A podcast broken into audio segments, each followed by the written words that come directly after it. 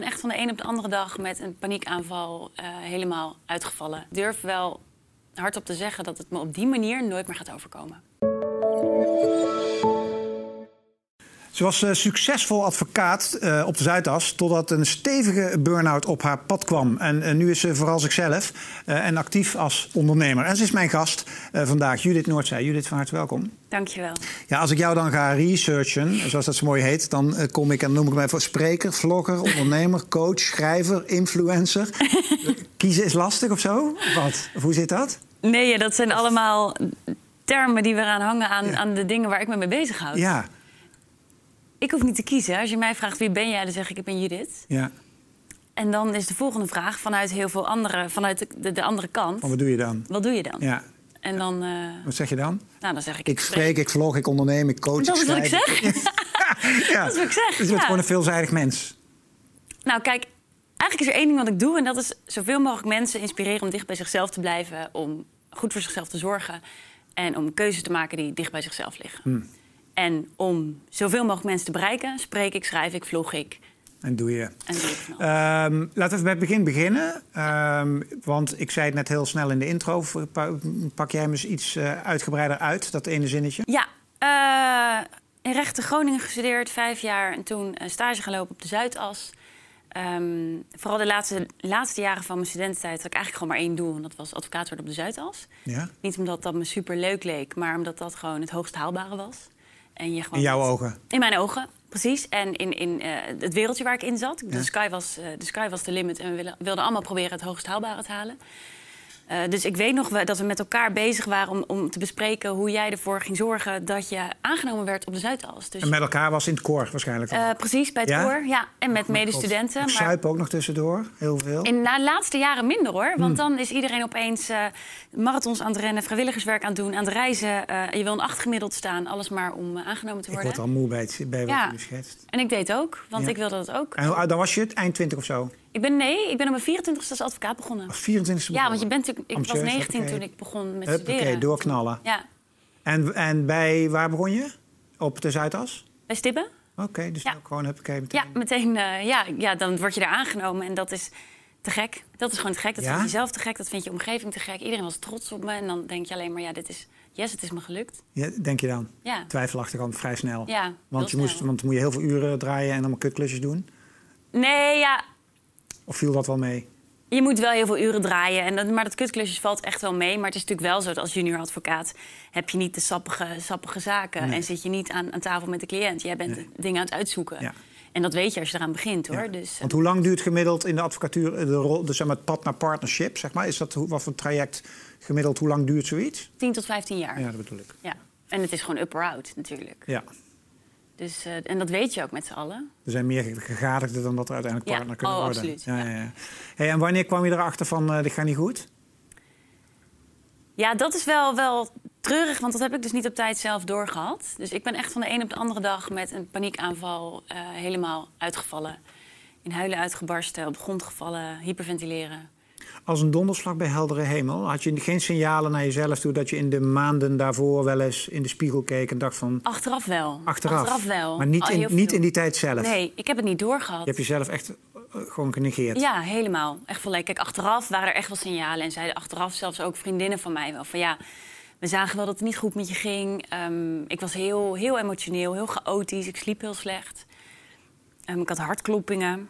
Maar dat waren allemaal dingen dat ik dacht, oh, ik ben aan vakantie toe. Ja, ja. Zoiets. Ja, gewoon een beetje overwerkt. Een beetje druk. Een beetje druk.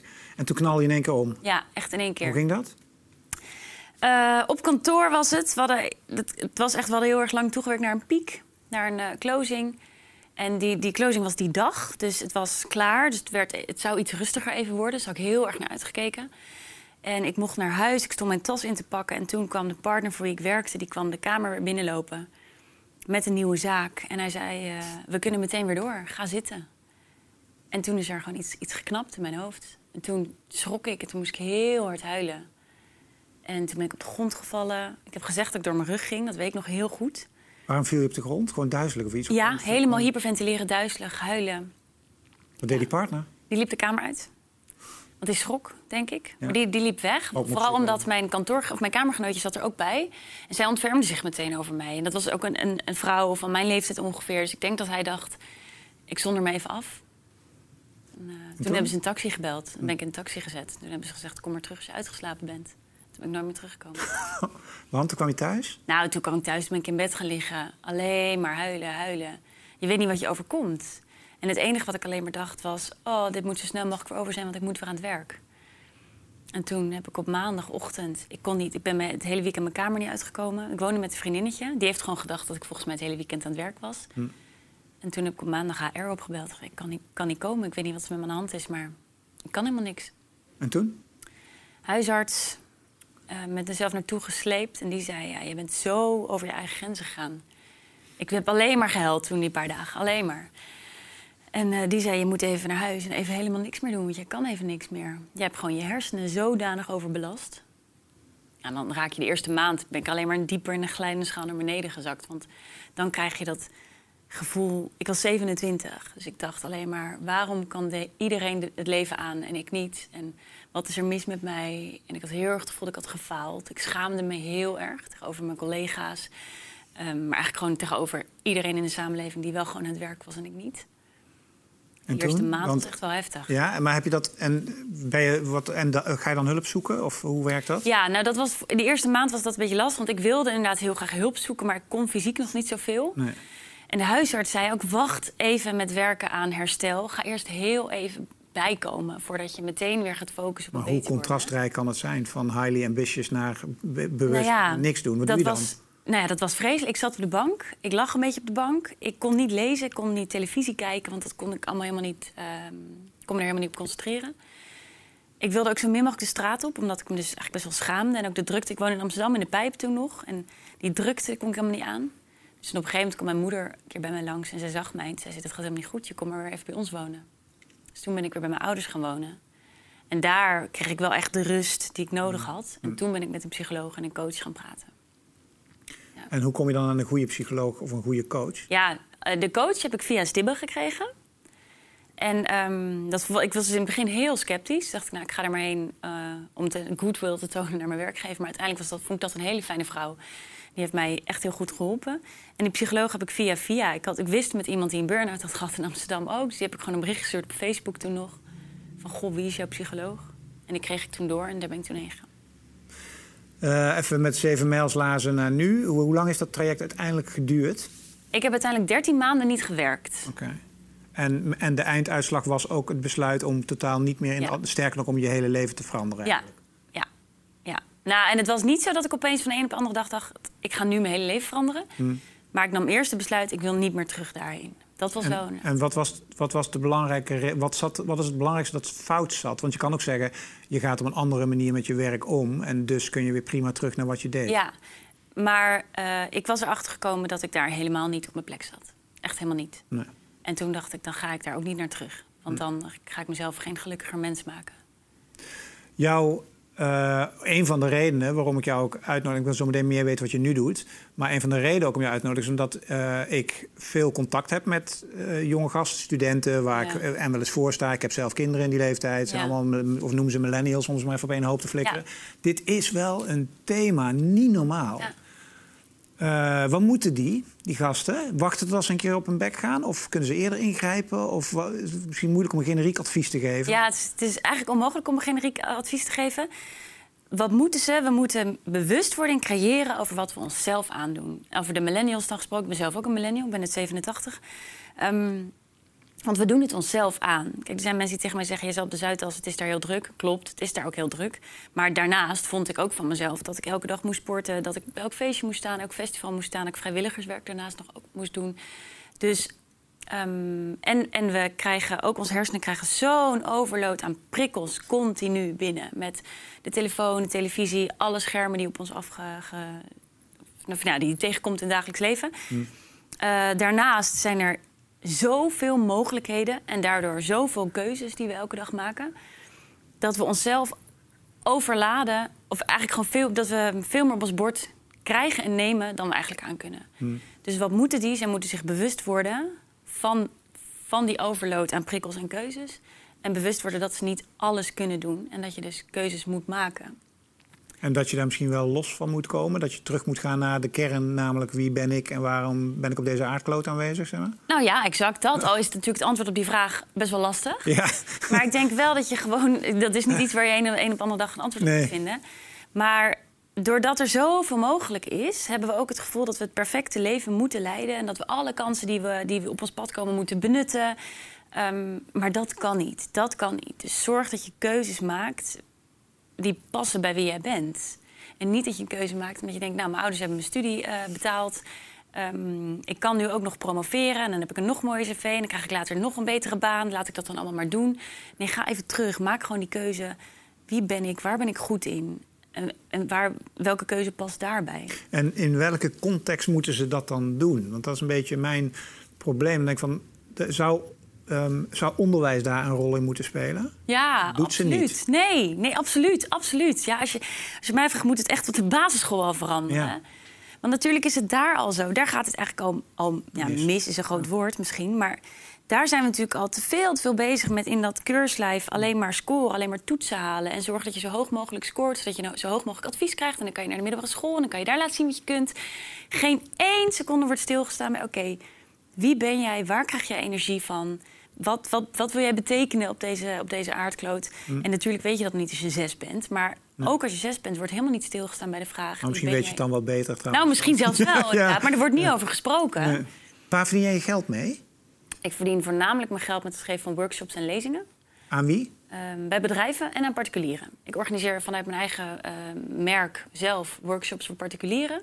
En wat zijn er voor mensen? Dat zijn eigenlijk allemaal eh, dames tussen de 20 en 35. Dames? Ja, Waarom geen heren? Ja, die wil ik ook bereiken. En ik weet dat ik ze met social media ook bereik. Eén op één spreek ik genoeg heren. Maar die zitten denk ik toch nog met iets meer trots... waardoor zij niet naar mijn workshops komen. Af en toe heb ik een heer ertussen zitten, hoor. Oké. En wat Maar doe je in die workshops? Dan gaan we aan de slag met, met erachter komen wie je bent en wat je wilt. En dat zijn eigenlijk allemaal mensen, hoogopgeleid, eh zitten in hun eerste baan. Die denken, ik heb 25 jaar lang de ballen uit mijn broek gewerkt... om hier deze baan te krijgen, want dat zou fantastisch worden. En dan Maar, zou de wereld aan mijn voeten liggen en dat is niet. En dat, dat zijn allemaal mensen die, die struggelen met waar ik ook heel erg mee heb En hoe word je daar ehm, kwalitatief heel goed in? Studeer je daarvoor? Doe, doe je dan cursussen? Of, hoe- want- of heb je daar gewoon van, "Ja, ik heb genoeg ervaring, dat doe ik vanuit mezelf? Zo ben ik begonnen. Ja? Ja? ja, en inmiddels heb ik wel wat cursussen gedaan. Maar ik merk toch eigenlijk dat ik... eh, kijk, ik, eh, zo leg ik het ook uit aan de mensen die naar mijn workshops komen. Ik heb een bepaalde visie, een bepaalde denkwijze. En als je die wil horen... en op basis van die visie en denkwijze zelf ook eens over het leven na wil denken... dan nodig ik je uit om te komen. En dat doe je in groepjes. Ja, dat doe ik in groepen. Dat zijn altijd groepen van, van 15, 15 man. En ik geef die workshop ook, en dan steek ik hem iets anders in, maar ook heel veel bij bedrijven. Ook in groepen van, van 15 man. En dat zijn dan bedrijven die heel erg bezig zijn met mentale vitaliteit. En die willen ook bewustwording creëren bij de werknemer zelf. Van ja, je, je, bent zelf ook in de lead van wat je jezelf aandoet en waarom zit je hier. Ehm, en ik geef heel veel lezingen bij bedrijven, daar verdien ik ook wel geld mee. Er zijn natuurlijk heel veel bedrijven die bezig zijn met, met burn-out, voorkomen van burn-out, mentale gezondheid. En Ja, verder ehm, ook wel met social media hoor. Verdien je daar ook geld mee trouwens, met social? Dat je, omdat je influencer bent, dat je betaalde Ja. postings en zo doet? Ja, heb ik ook. Ja, dus Oh, dat ja? is ook een, dat is een fijne, een fijne Dat is een leuke- inkomstenbron ja, hè, op dat de is- site. Ja, hè? en wat zijn dan merken die zeg maar, passen bij jou? Nou, dat is best breed, maar sportmerken zijn het Ja, wel. want je bent wel waanzinnig sportief, hè? Ja. Want, je, Ja. want je staat elke dag in de sportschool. Ja. Want dat, is dat een reddingsboei voor jou geweest? Ja, geworden? absoluut. Absoluut. Absoluut. Ja. Dat was het eerste wat ik weer ging doen toen ik iets kon doen. Hm. En ik merk het ook. eh, ja, dat is mijn. ja, ik sta inderdaad zes, keer, per- ja, zes, zeven keer per week sta ik eh, in de CrossFit-box. Dat is gewoon mijn therapie, Ja. denk ik. Ja, Omdat het hoofdje ook een beetje stil komt ja te staan misschien wel. precies. Ja. Want is het, is, eh, komt het, is het met name ook het, is het, het hoofd wat het probleem is, Ja. zeg maar? ja, het is het hoofd. Ja, absoluut. En ik heb nu ook eh, sinds anderhalf jaar een hond. Dus ik heb elke dag dat ik en met die hond wandel en sport. Hm. En dat is gewoon heerlijk.